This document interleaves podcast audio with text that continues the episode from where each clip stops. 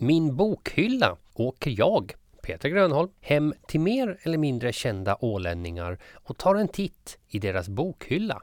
Då, då ser man på dammet att den här var inte ute igår. Nej, exakt. Diskuterar litteratur Läsning för mig är väldigt lustfyllt. och får mig ett och annat boktips till livs. Idag har jag åkt till poeten och författaren Karina Karlsson. Karina har flera gånger fått pris av Svenska litteratursällskapet i Finland. Hon har också tilldelats Ålands självstyrelses jubileumsmedalj 1997 som erkänsla för framgångsrik verksamhet till gagn för landskapet Åland. Och hon har rönt framgångar med romanerna Mirakelvattnet, Algot och Märket. Sen har hon gett ut en hel del poesi också. Mitt liv är ganska likt Zlatans. Jag får också träffa hunden Benjamin. Men han är ingen bokmal, så vi går väl in och spanar in Karinas bokhylla.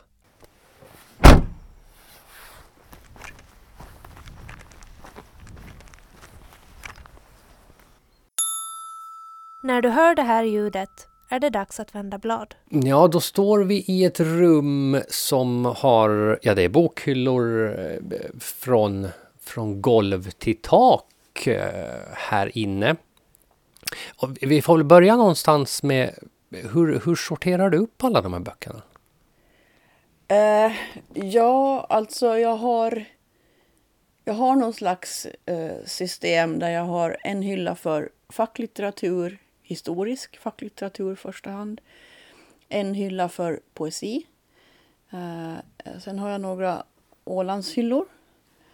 Och sen har jag en hylla med eh, ordböcker och också kartor och resehandböcker och sånt. Och sen har jag eh, några hyllor med skönlitteratur, kallar jag dem då. Eh, och där har jag liksom en hylla med svenska manliga författare, nordiska manliga författare, eh, klassiker, barnböcker, ungdomsböcker.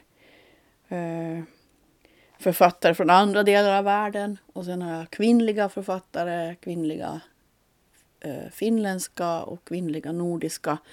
Och sen har jag lite sådana biografier och konst och sånt. Det är så, de, de avdelningarna som finns. Så att om, om du tänker att nej, men nu behöver jag fort kolla upp någonting som Tove Jansson skrev, då vet du exakt vart Ja. du ska gå. Det vet jag. Det vet jag. Det måste nästan vara så, för annars har- det är ingen idé att ha de här böckerna. Om jag inte vet, vet var de finns. Så där. Ungefär i alla fall. Var jag ska söka, vilken hylla jag ska söka på. Men det här rummet vi är i då, så det är ju alltså det enda som inte är täckt av, av bokhyllor, det är, ju, det är ju dörrar och fönster. Jag tänkte, var det här, när du flyttade in, var det, hade du det här rummet färdigt liksom bestämt i huvudet då? Nej, nej det hade jag nog inte. Alltså, jag paxade det till mitt arbetsrum när vi hade flyttat hit därför att det ligger mot norr och är skuggigt och skönt sådär. Eh, och jag gillar norr och skuggigt. Eh, och sen beställde jag min pappa när jag liksom hade, jag målade och, och fixade lite. Och sen, sen beställde jag min pappa sån här vägg, eh, fasta bokhyllor som han byggde till mig. Eh, och sen har det liksom utvecklats utifrån det. Ja, hur, hur, hur ska utvecklingen gå sen då? Jag tänker att du har inte så mycket plats kvar att få upp några mera hyllor. Nej, alltså det har faktiskt, jag har nu det senaste året så har jag med kalla kårar längs ryggen försökt välja ut böcker som jag kan göra mig av med. För att jag vill ha plats för lite nya böcker. Och jag, jag, jag börjar liksom inse att det här är inte enda hus, rummet i huset som är fyllt med böcker kan jag säga. Ah, okej. Okay. Det finns liksom typ bokmagasin Ja. Eh, Så att jag måste liksom, jag inser att jag kan inte, jag kan inte hålla på och samla på mig utan jag försöker göra mig av med böcker som inte betyder så mycket för mig. Mm. Men du, du har inte tänkt idén då att bara eh, de som inte betyder så mycket, packa ner dem i en låda och spara dem på vinden för senare Ja, botanisering? det är ju det att, att jag har sådana utrymmen också, sådana magasinutrymmen som är fulla med lådor med böcker. Men jag börjar ju känna det och det är ju någon som ska ta vara på det där någon gång. Eh, Så att, eh, ja, som sagt, det, det är ungefär så här tio böcker in en bok ut. Ungefär där ligger jag nu. Jag skulle ju behöva komma fram till tio in, tio ut, men det, det, en bit dit. Men hur mycket, hur mycket hinner du läsa? Hur, har du någon koll på hur, hur mycket det blir? Det är så väldigt, väldigt olika. Alltså jag kan läsa en bok om dagen eller jag kan läsa en bok, eh, kan ta en månad. Alltså det är så olika på perioder eftersom jag skriver själv. Eh, och den här skrivprocessen går i sådana perioder att det finns liksom vissa perioder när jag kan läsa hur mycket som helst och bara kan liksom, åh, suger i mig av allting. Och så finns det andra perioder när jag är så upptagen av min egen text att jag inte riktigt kan läsa annat och då går det liksom jättetrögt. Men jag läser nog alltid alltså. Det, jag har inga perioder när jag inte alls läser. Det har jag inte. Så om man tittar lite grann i bokhyllan då kan man ju hitta såna här som, eh, det, nu ska vi se om jag kan läsa in, det är Dostojevskij, alltså Idioten. Mm. Eh, och du har några andra ryska författare, det är Tjechov och eh, Jevtusjenko tror jag också jag ser där. Mm. Det känns ju, i min värld så är det här böcker som den här borde man kanske ha läst eller det hade varit coolt att läsa den men eh, som man kanske inte känner att man vill läsa. Men, men även den så, så har liksom ja. innefattats av din läslust. Man måste alltså kämpa på lite eh, för att komma in i de här tjocka ryska klassikerna. Men när man väl har gjort det så, så då betalar det sig. Och ett litet sån här tips, som, alltså en metod som jag har, så är att jag skiter i vad folk heter. För att det brukar vara det jobbigaste, att hålla på och hålla reda på vem, vem, ja, men vem var det där nu igen. Men jag liksom, när jag börjar så tänker jag, ja, men jag struntar i det. Jag kommer att förstå. Jag struntar i att jag blandar ihop namnen de första 50 sidorna. för annars kommer man inte in i dem. Eller jag gör det inte. Men så det, det, kan man säga som ett, ett litet tips om man ska läsa ryska författare, så strunta i vem som är vem. ja, exakt. Tills man liksom fattar det av sig själv. För till småningom kommer man ju, ja just ja, det var den där som, mm, ja ja, och sådär. Uh, det tycker jag var lite sådär, var lite respektlöst, lite lagom. Så, ja. Tycker jag kan vara. Men om du börjar läsa en bok då och så är den jäkligt tråkig. Måste du läsa den färdig eller får du, du får lägga den ifrån Ja, dig? alltså mitt liv är för kort för att läsa dåliga böcker. Så mm. jag kommer inte att hinna läsa alla de böcker som jag vill läsa. Även om jag liksom ska hålla på och läsa hela tiden. Eh, så, så att det är helt självklart tycker jag att om man börjar läsa och, och jag är inte så heller. Vissa har ju sagt att jo, men jag läser 50 sidor och om jag inte har då kommit in i det så då, då, då får jag lämna den. Det har inte jag. Jag tycker man känner ganska snabbt att hmm, vill jag ge det här en chans eller inte? Och vill jag inte så då lägger jag bort det. Tittar jag vidare då så hittar vi kanske om, om eh, Dostojevskij finns på den ena sidan av, av skalan så skulle jag väl säga att kanske Zlatan finns på den andra för det är en sån bok som sticker fram. Mm. En bok som man brukar säga att man hittar i var, var pojkes bokhylla. Om mm. där så bara finns en bok så är det den. Ja. Men även i din alltså? Ja. Jo, Eh, och eh, den är ju faktiskt jätteintressant för en människa som skriver och läsa också.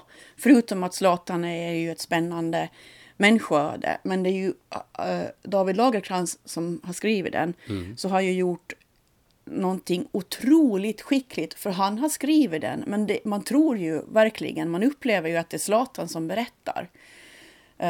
Men det är ju faktiskt så att det är David Lagercrantz som har skrivit den i nära samarbete med Zlatan. Men ändå har han lyckats verkligen hitta ett språk som, som man tror att det är Zlatans eget språk. Eller som ju är Zlatans språk, men i alla fall, han har, det är jätteskickligt gjort. Mm. Men kan det vara en sån där bok som förr i världen så pratar man om att eh, om, om man ska få pojkar att läsa så då är det eh, Jan Guillous Ondskan. Ja. Är, det, är det kanske är det Zlatan som är eh, den nya generationens då, om man ska få pojkar att läsa så är det, är det just den boken? Uh, för jag tror ju att pojkar kan läsa uh, vilka böcker som helst om, om, det, om det bara intresserar dem. Jag kan bli lite trött på det där. Alltså nu är inte jag alls insatt i det, men jag kan liksom känna lite så här, men herregud, ge pojkarna och flickorna en chans. Och jag tror ju på att, att det gäller att hitta just den boken eh, till den ungen, eller den pojken eller flickan som ska läsa den. Och att det gäller att liksom ha ett brett eh, bjuda ut ett brett utbud och så hittar man. Men det är klart med Zlatan, det är ju det, det som det gäller. Är man intresserad av fotboll så det är klart man vill läsa om Zlatan. Mm. Eh, så att därför blir det ju nära till hands. Och sen att den är eh, den är lätt att ta till sig, lätt att läsa och det är ganska rakt berättat livsöde sådär. Men det finns ju många sådana böcker och jag tror som sagt det gäller bara att sätta eller, eller ge ungarna en, en chans att hitta till de här böckerna. För läsning är ju... jag börjar min, min, eh, min läsning med eh, de här gröna och röda Wahlströms ungdomsböcker. Eh, Alfred Hitchcocks tre deckare älskar jag. Bröderna Hardy, det var såna här två pojkar, cowboyars pojkar som, som hamnade ut för äventyr. Svarta masken, Hjortfot, sådana böcker älskar jag. Och nu vet jag ju att alltså, motsvarande böcker plockar man bort på biblioteken därför att det inte är bra litteratur. Och det kan jag, kan inte gnissla tänder åt det där för att bra litteratur är väl litteratur som blir läst. Ja. Och så, sen kan det liksom... Eh, sen kan det vara dåligt språk och det kan vara eh, så. Men, men läsning är ju också som, som all annan eh, konditionsutövning. Att läser du mycket då, då har du lätt att ta till dig, du lär dig, det går snabbare, du har lätt att ta till dig lästext. Och då blir det roligare att läsa. Så det mm. gäller liksom att få ungarna att läsa mycket, det är det det handlar mm. Så då, då vet den här också debatten som var för ett tag sedan där ena sidan sa att det viktiga är inte vad man läser utan att man läser. Mm. Och den andra sidan sa att det kanske man skulle läsa någonting vettigt om man ändå läser. Men ja. du, du hör till kategori ett då, att ja. det viktiga är att man läser. Det tror jag. Och läser du mycket så kommer du förr eller senare att lära dig förstå vad som är vettigt och inte. Jag menar, ja. du, du liksom, då kan du ta till dig lästext och du kan bedöma den. Du blir friare ju mer du läser. Vi flyttar vidare i hyllan. Fredrik Strages rep. Han är ju mer känd som journalist, tänker jag, mm. men har gjort en del böcker, Mikrofonkåt och, Fans då, bland annat ser jag här i hyllan. Ja, ja det är ju också, han skildrar ju en, en kultur eh, som eh, är intressant att läsa om när man är en tant på landet i ett litet torp. Så det är väldigt främmande. Eh, dessutom så är jag det är liksom spännande på samma sätt som Zlatan. Boken är spännande därför den berättar ett, ett, om ett livsöde som är annorlunda än ens eget. Så gör ju också eh, Strage det med sina artister och gick med i den här kulturen som han kan skildra inifrån.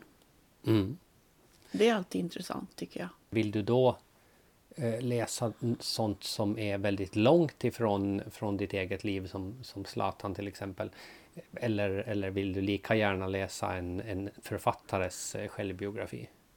Ja, lika gärna allting. Och sen tycker jag, jag tycker näst, mitt liv är ganska likt Zlatans. Ja, det, gör, det är så ja. ja, nej, men jag kan känna igen vissa saker faktiskt. Jag tänker till exempel när han skildrar hur han eh, under en turnering så, så blir han ju jätteupptagen med hans familj har rest dit och han, har liksom, han får knappt träna för han måste liksom ordna med rum åt familjen och allt möjligt sådär. Eh, sina föräldrar och syskon. Eh, och, och det där kan jag liksom känna igen på ett plan, det här med att man vill liksom hålla på med, jag vill hålla på med mitt skrivande och så är det en massa andra saker som jag måste ta itu med. Jag känner mig väldigt besläktad med Zlatan. Du lyssnar på Min bokhylla med Karina Karlsson. Eh, Marianne Fredriksson. Mm. Och där har du också en, eh, ja inte alla böcker kanske, men, men en hel hög. Ja. Det, hon känns ju som en väldigt speciell författare också. Ja. Uh, jag läste uh, hennes första böcker, Evas bok hette den väl. Och, Eh, när jag var förhållandevis ung och de var jätteviktiga. Då, de, um, jag tror att för mig så, så, så var de lite en ingång till sån här... Um, att man kan använda ursprungliga berättelser fast i andra former. För det är ju liksom, hon har ju använt bibliska figurer och så här. Uh, och, och hon, hon visar mig att man får använda ursprungliga berättelser och så får man göra om dem och, och, och använda dem till det man vill berätta idag. Vilken skulle du säga är din favoritförfattare? Eh, ja, alltså det, det, det, är omöjligt att säga en. Uh, det finns författare som har varit viktigare än andra och som för, har liksom följt med ända sedan jag var ung. Och det, Tua Forsström är en sån, poeten Tua Forsström som nu just har blivit invald i Svenska Akademin. Hurra! Um, Thomas Tranström är en annan sån, de båda poeter. Uh, och Tove Jansson är också. Tove Jansson läser jag om och om, och om igen. Jag läser varje höst läser jag sent i november. Varje sommar läser jag Pappan och havet. Det, liksom, det ingår i min årscykel att läsa Tove Jansson. Borde man läsa klassikerna för att man borde läsa dem eller är de klassiker för att de är så läsvärda? både och tror jag faktiskt. Eh, men de flesta klassiker så är ju det för att de, de faktiskt har hållit genom tiderna. Berättelserna är ju ofta liksom verkligen på liv och död och hat och kärlek och alla de här grundkänslorna som är viktiga för oss att utforska. Och, och liksom. Ett sätt att utforska är ju att läsa om dem och så får man uppleva dem sådär lite lagom farligt hemma i fåtöljen. Jag kan tycka att just Alexander Dumas kan vara lite liksom behaglig att läsa därför att det känns som att hans hjältar, de är väldigt tydligt goda. Mm. De är oerhört fiffiga mm. eh, och så löser de liksom, de löser uppgifter. Man behöver på något vis, man kan lite slappna av och, och, och låta låta liksom dels berättelsen rulla på med någon slags trygg förvissning om att det här kommer att sluta väl. Ja. Men så är ju ofta klassikerna, tycker jag. Att de återställer lite ordningen i världen. När man tycker att det är sådär förvirrat och, och alla är onda och goda och det beror precis på tillfälligheter och vilken press man blir utsatt för. Då kan det vara jätteskönt att återgå till klassikerna där det är precis som du säger. De onda är onda, och de goda är goda och förr eller senare så det kan se liksom jätterisigt ut men de goda kommer att vinna i slutändan. Uh, och, och jag tror att det kanske är en av klassikernas uppgift så är liksom att återställa eh, världen för oss så som vi vill uppfatta den någonstans. Rättvis också. Det har ju alltid varit viktigt att världen är rättvis. Och det är den ju inte, men det vill vi tro. Och det hjälper klassikerna också liksom uthärda. Men om vi skulle bara leta upp en ny författare, finns mm. det någon sån här som som, eh, som är helt ny och som du känner att oj, det här, var, det här är någonting? Ja, det beror lite på vad du menar med helt ny då. Uh, alltså moderna författare, till exempel Sofie Oksanen tycker jag väldigt mycket om. Hon är där uppe där. Utrensningen och Baby Jane och vad de nu heter där. Jag försöker ju följa med med unga författare. Anna Jörgensdotter är en någorlunda uh, ny författare tycker jag som är fantastisk. Som har skrivit hennes senaste bok heter Solidärer. En ändå nyare så är väl den här är ju ganska, de här är ganska nya. Anna Lestedius Larsson som har skrivit eh, historiska romaner om eh, kvinnor vid svenska hovet under 1700-talet. Nu har vi flyttat över till, till poesihyllan får man väl säga då. Vad, vad hittar vi här då? Ja, vi hittar en salig blandning kan jag väl säga. Och här ser man, nu är ju poesi på det viset inte min hemmaplan kanske, men några bekanta ser man ju Sylvia Plath. Plath. Plath. Ja, så, så hittar jag på att det är i alla fall. Det är ju ett tyskt namn från början. Aha. Ja, fast hon sen var född och uppvuxen i USA. Mm, Thomas Tranströmer nämnde mm. vi ju tidigare, finns ja. här också. Eh, lite mer oväntat då, eh, Marilyn Monroe. Fragment. Ja. Mm. Det är, eh, hon var ju eh, alltså mycket mer djuplodande än man i allmänhet kanske tror. Och den här boken är alltså, det är poesi och andra fragment ur hennes anteckningsböcker och skrivböcker. Poeternas kokbok. Den, den låter ju omedelbart spännande. Ja, den fick jag faktiskt av goda vänner här. Eh, kanske i fjol. De hade hittat den, gått in någonstans och, och hittat den på ett antikvariat. ehm, och tyckte att den måste jag ju ha. Ja, Så fick jag den. Det var en rolig överraskning. men, men som jag, om vi bläddrar lite grann, eh, strömmingsflundra såg jag här. Det, det, är kanske inte, det är inte nödvändigtvis poetisk mat utan det är alltså poeter som tipsar om sina recept. Ja, och man har liksom kopplat recept till olika dikter och textstycken. Och så finns det sådana, och det till den stuvade havsålen till exempel. Ja, ja. Med Ruda. Men vilken är din eh, favoritpoet då? Eh, Tua Forsström och Thomas Tranströmer som ju hör till mina favoritförfattare. Jag kan inte riktigt liksom skilja på det där så. Eh, och det gäller ju fortfarande då. Men annan poesi som jag tycker om. Eh, Matilda Södergran, finlandssvensk poet. Eh, som jag tycker jättemycket om. Katarina I- Gripenberg, Ja. likadant. När du själv skriver poesi, tar du liksom inspiration ifrån de, den här poesin eller, eller går du bara så här ut och tänker, tänker fritt? Det skulle ju vara lite fint att kunna ljuga och säga när jag hittar på precis allting precis själv. Men så är det ju inte. Alltså man påverkas ju av allt man läser. Och jag kan ju liksom bestämma ibland när jag gör skrivövningar att nu ska jag skriva Tänk om Tua Forsström skulle skriva den här dikten nu om det här. Så, och så skriver jag den i, som jag föreställer mig att jag lånar liksom hennes språk och uttryck. Med Karin Boye vet jag, det är ju en sån här... Henne följer jag på Twitter. Okej? Eh, Ja.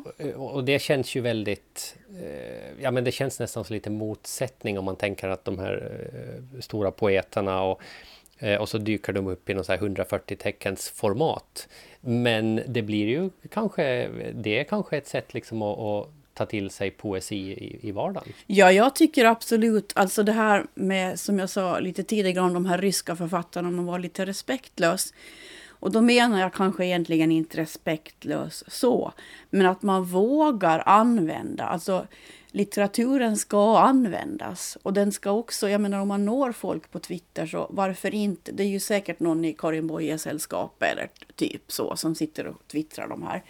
Eh, och det tycker jag, det är väl en jättebra idé. Bra. Man ser ju på Facebook också, eh, så fort det händer en, eh, en katastrof någonstans eller så, här, så, så publicerar folk klassiska dikter och sådär. De har hittat ett sammanhang och sådär. Och det är så, så tycker jag att litteratur ska användas. Då är det som bäst. Ninna, ninna, ninna, na, ninna, na, na, ninna. Ska vi ta lite boktips? Ja. Till, det här är tips till sommarläsning blir det då. Ja. Eh, och jag, då börjar jag med en klassiker som, som jag liksom tycker att, att... Och du sa till mig tidigare att du har börjat läsa den. Tycker, nu tycker jag i sommar så ska du ta dig igenom den här. Det är Tove Janssons Sommarboken. Och den är ju, det är en liten bok som, som eh, berättar om stora saker, tycker jag. Den berättar om hur det är att vara barn och om hur det är att vara gammal. Och den berättar om hur det är att vara för snäll eller för stygg. Och den berättar om hur det är när man vill rymma och när man absolut inte vill rymma. Och den berättar liksom, ja, egentligen överlevnadshandbok i alla lägen kan man säga. För människor i alla åldrar. Och dessutom väldigt fint språk som det ju är när Tove Jansson skriver. Och en ganska, ganska tunn bok då för att innehålla så mycket. Ja, faktiskt. Genialisk. Ja. som ju hon var, tycker jag. Mm. Ja. Mitt andra boktips är Sabine Forsbloms Maskrosgudens barn. Hon kom ut senaste höst med en fristående fortsättning som heter Betinkan, som jag ska läsa i sommar. Men den har jag inte läst nu, så därför kan jag inte tipsa om den så. Fast samtidigt så kan jag tipsa lite om den. Eh, men Maskrosgudens barn, väldigt rolig. Eh, men också tragisk är den. Om en, särskilt en, en flicka, men en familj. Arbetarklassfamilj på 70-talet i Borgo. Eh, och det är liksom, hon beskriver miljön jättefint. Man, man känner verkligen att man är med där. Och hon har humor och värme. Så det, det är riktigt sådär. Eh, och det, hon har skrivit tre böcker. Den första heter Maskrosguden och sen Maskrosgudens barn. Och det tror det var tio år mellan dem. Och sen nu då Betinkan. Och de handlar alla om samma familj och samma miljö. Men de, man kan absolut läsa dem var för sig. Man behöver inte liksom eh, läsa dem i rätt ordning eller så. Jättefina böcker. Sen har jag slagit ihop och jag fuskar lite. Ja, du har fuskat. Ja. Mm. Eh, och slagit ihop. Och det här kan man nu tro då att ett tips bara för barn, men det är det inte alls. det är för det första Lena Frölander Ulfs Pappa, jag och havet. Och så är det Stian Holes Den gamla mannen och valen. Eh, det är bilderböcker. Men det är sådana bilderböcker som eh, man kan som vuxen också. Det är liksom som att läsa poesi. Det är Lena Frölander Ulf använder en jätterolig teknik. Hon eh, skrapar fram, du vet så här som man gjorde när man var barn, att man hade färgat under och så svart vaxkrita och så, skrita, och så skrapar man fram. Eh, och så gör hon sina bilder. Det är akvarell under. Och så, och så sätter hon krita eller vax på och så skrapar hon fram bilderna. Och de är ju, titta, de är ju helt fantastiska. Nu, nu, kan, ju, nu kan ju inte folk i radion se det, men de, du, kan ju, du kan ju hålla med och säga Ja. att de är jättefina. Eh, eh, och texten är också, eh, det, det är lite text men den, är, den sitter liksom på pricken.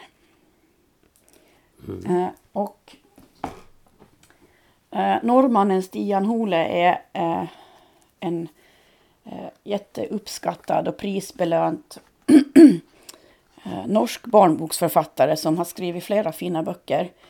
Eh, men det är samma med den, alltså det är som att titta på konst och läsa poesi samtidigt när man bläddrar i den boken. Lyckos de som har barn som får läsa de här för barnen, men jag tycker inte man ska liksom låta sig begränsas av det, utan man, ska, man kan verkligen eh, ta de här med och, och läsa till stranden fast.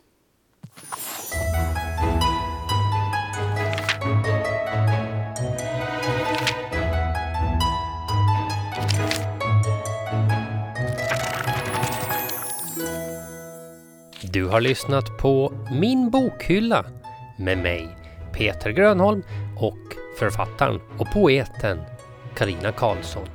Programmet hittar du om du går in på alandsradio.ax och klickar på podcasts.